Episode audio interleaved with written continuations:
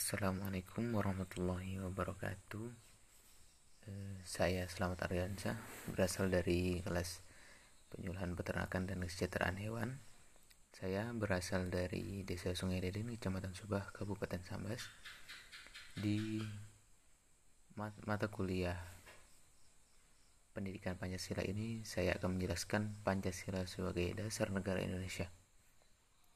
Nah, sebelum kita membahas tentang Pancasila sebagai dasar negara, nah kita harus mengetahui negara itu apa.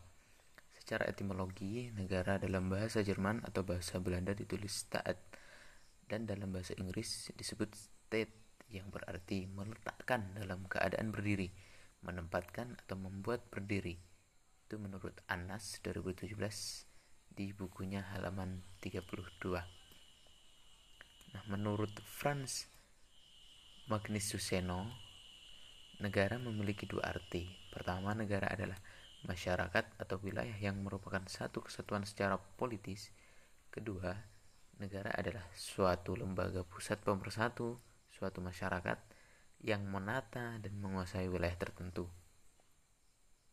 Kedaulatan Nah, di sini negara itu harus memiliki kedaulatan. Nah, apa itu kedaulatan? Kedaulatan ialah tidak ada pihak yang harus dimintai izin untuk menetapkan atau melakukan sesuatu.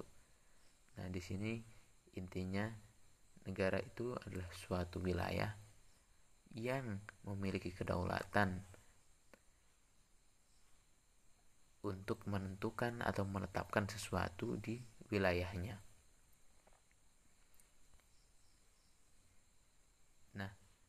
Eksistensi suatu negara bergantung pada dua unsur, yaitu kepastian hukum dan legitimasi dari masyarakat. Nah, apa sih tujuan negara itu? Nah, menurut Aristoteles mengatakan bahwa tujuan manusia adalah kebahagiaan eudaimonia. Nah, manusia adalah makhluk sosial, zon politikan yang berarti bahwa manusia membutuhkan manusia lain untuk eksistensinya sebagai manusia karena apabila sendirian maka hidup hanya sekedar mempertahankan nyawa. Untuk dapat hidup dengan baik, maka sebagai manusia yang beradab yang cenderung mengembangkan potensinya, manusia membutuhkan negara sebagai tatanan kehidupan bersama dalam suatu masyarakat. Nah, jadi Tujuan negara sama dengan tujuan manusia, yaitu memperoleh kebahagiaan sehingga negara bertugas mengusahakan kebahagiaan bagi rakyatnya. Nah, jadi negara itu tujuannya sama dengan tujuan manusia itu. Nah, sebagai manusia sosial, manusia ditunjukkan harus membutuhkan manusia lain agar eksistensinya sebagai manusia diakui. Karena kalau sendiri ya itu tadi hanya sebagai mempertahankan nyawanya. Nah selanjutnya kita akan membahas tentang Pancasila sebagai dasar negara. Nah kenapa sih kok Pancasila yang kita gunakan sebagai dasar negara? Nah apabila dasar negara dihubungkan dengan cita-cita dan tujuan negara, maka menjadi ideologi negara. Nah, kenapa Pancasila sebagai dasar negara? Karena di dalam Pancasila mengandung ideologi negara Indonesia. Nah, apa itu cita-cita nasional Indonesia? Negara Indonesia yang merdeka, bersatu, berdaulat, adil, dan makmur. Sesuai dengan alinea kedua pembukaan Undang-Undang Dasar 1945. Nah, tujuan negara atau nasionalnya yaitu melindungi segenap bangsa Indonesia dan untuk memajukan kesejahteraan umum, mencerdaskan kehidupan bangsa, dan ikut melaksanakan ketertiban dunia yang berdasar kemerdekaan, perdamaian abadi, dan keadilan sosial. Nah, itu termaktub dalam Undang-Undang Dasar 1945 alinea keempat.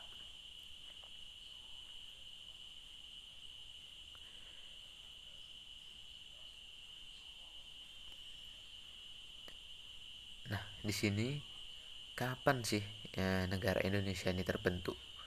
Wah, ini pasti teman-teman penasaran nih ya. Apa sih yang bisa membentuk negara Indonesia ini? Apa saja unsur-unsur yang memperkokoh yang membentuk suatu negara?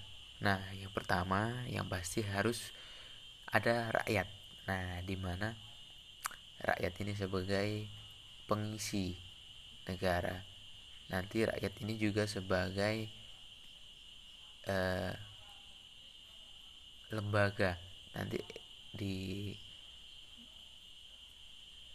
ini sebagai isi negara tanpa rakyat itu ya apa ndak ndak ada itunya. Jadi tidak terbentuk negara. Yang kedua wilayah. Wilayah ini sangat penting karena dalam sebuah negara itu harus ada wilayah. Masa negara Indonesia mau tidak punya wilayah terus numpang di negara lain? Nah itu contohnya nah yang ketiga itu pemerintah.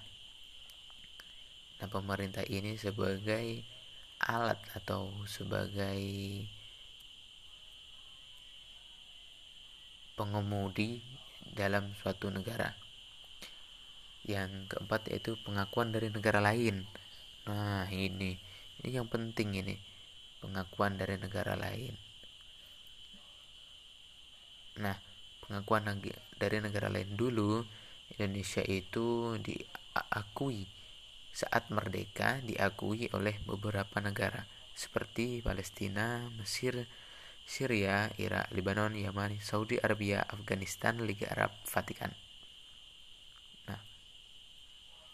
cuma beberapa beberapa negara tersebut yang mengakui Indonesia merdeka.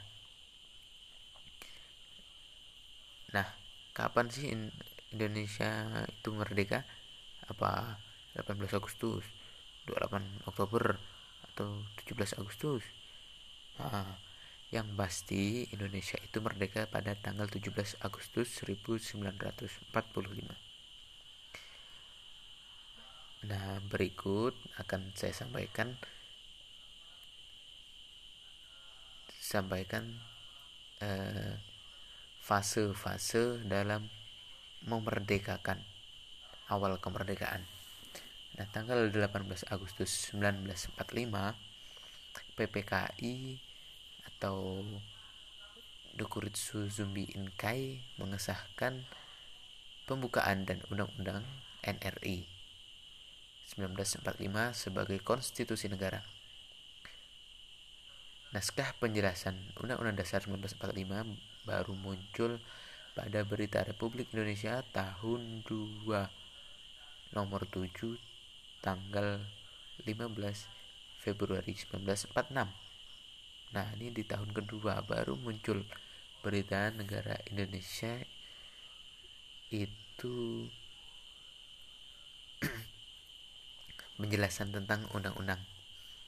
Nah, pada amandemen keempat Undang-Undang Dasar 1945 tanggal 10 Agustus 2020, aturan penjelasan tidak berlaku lagi. Pasal 2 aturan peralihan berbunyi dengan ditetapkannya perubahan Undang-Undang Dasar ini, Undang-Undang NRI 1945 terdiri atas pembukaan dan pasal-pasal. Pada tanggal 19 Agustus 45, PPKI menetapkan panitia kecil perancang pengisian program dan susunan daerah. Nah, dulu awal kemerdekaan kabinet dibagi menjadi 12 departemen atau kementerian. Wilayah Indonesia dulunya masih hanya terbagi dari dalam 8 provinsi, yakni Jawa Barat, Jawa Tengah, Jawa Timur, Sumatera, Borneo, Sulawesi, Maluku, Sunda kecil. Nah, untuk sekarang Indonesia sudah memiliki 34 provinsi. Wow. Banyak kan? Nah, pada tanggal 22 Agustus 1945 PPKI menetapkan Komite Nasional Indonesia Pusat dan Daerah. Apa sih tugasnya? Tugasnya yaitu membantu presiden dalam menjalankan tugas-tugas legislatif selama MPR dan DPR terbentuk, serta tugas pertimbangan selama DPA belum terbentuk.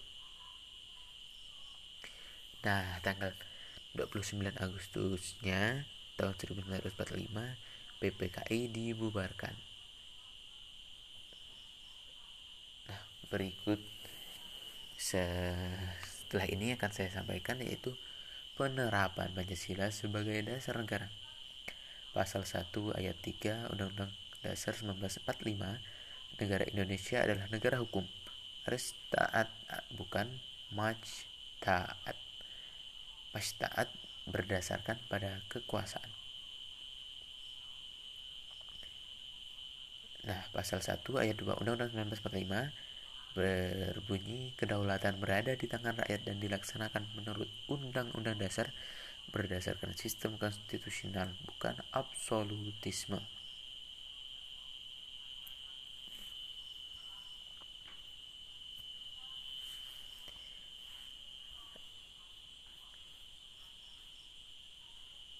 Nah,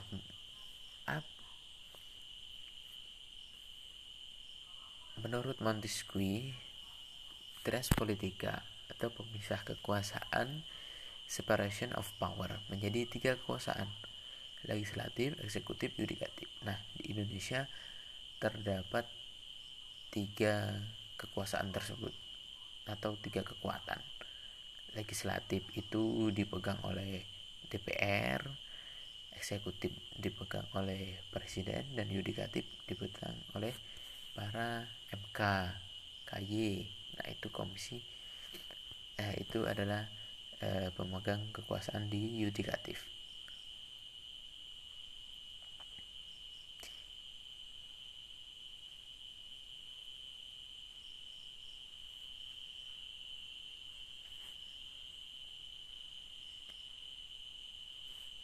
Nah, hukum di Indonesia dapat ditegakkan apabila ketika elemen saling bersinergi, aturan hukum, aparat penegak hukum, dan budaya masyarakat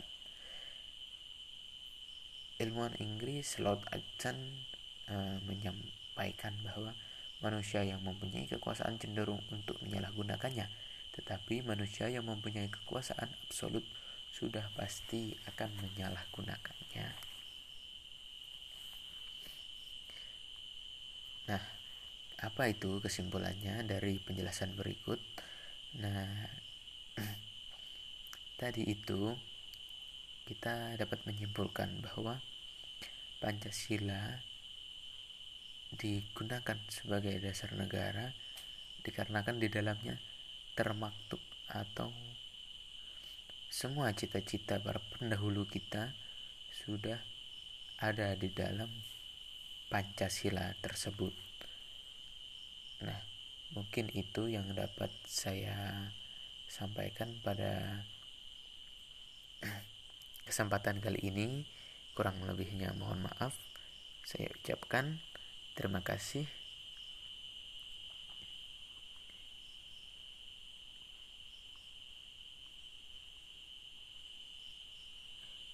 Wassalamualaikum warahmatullahi wabarakatuh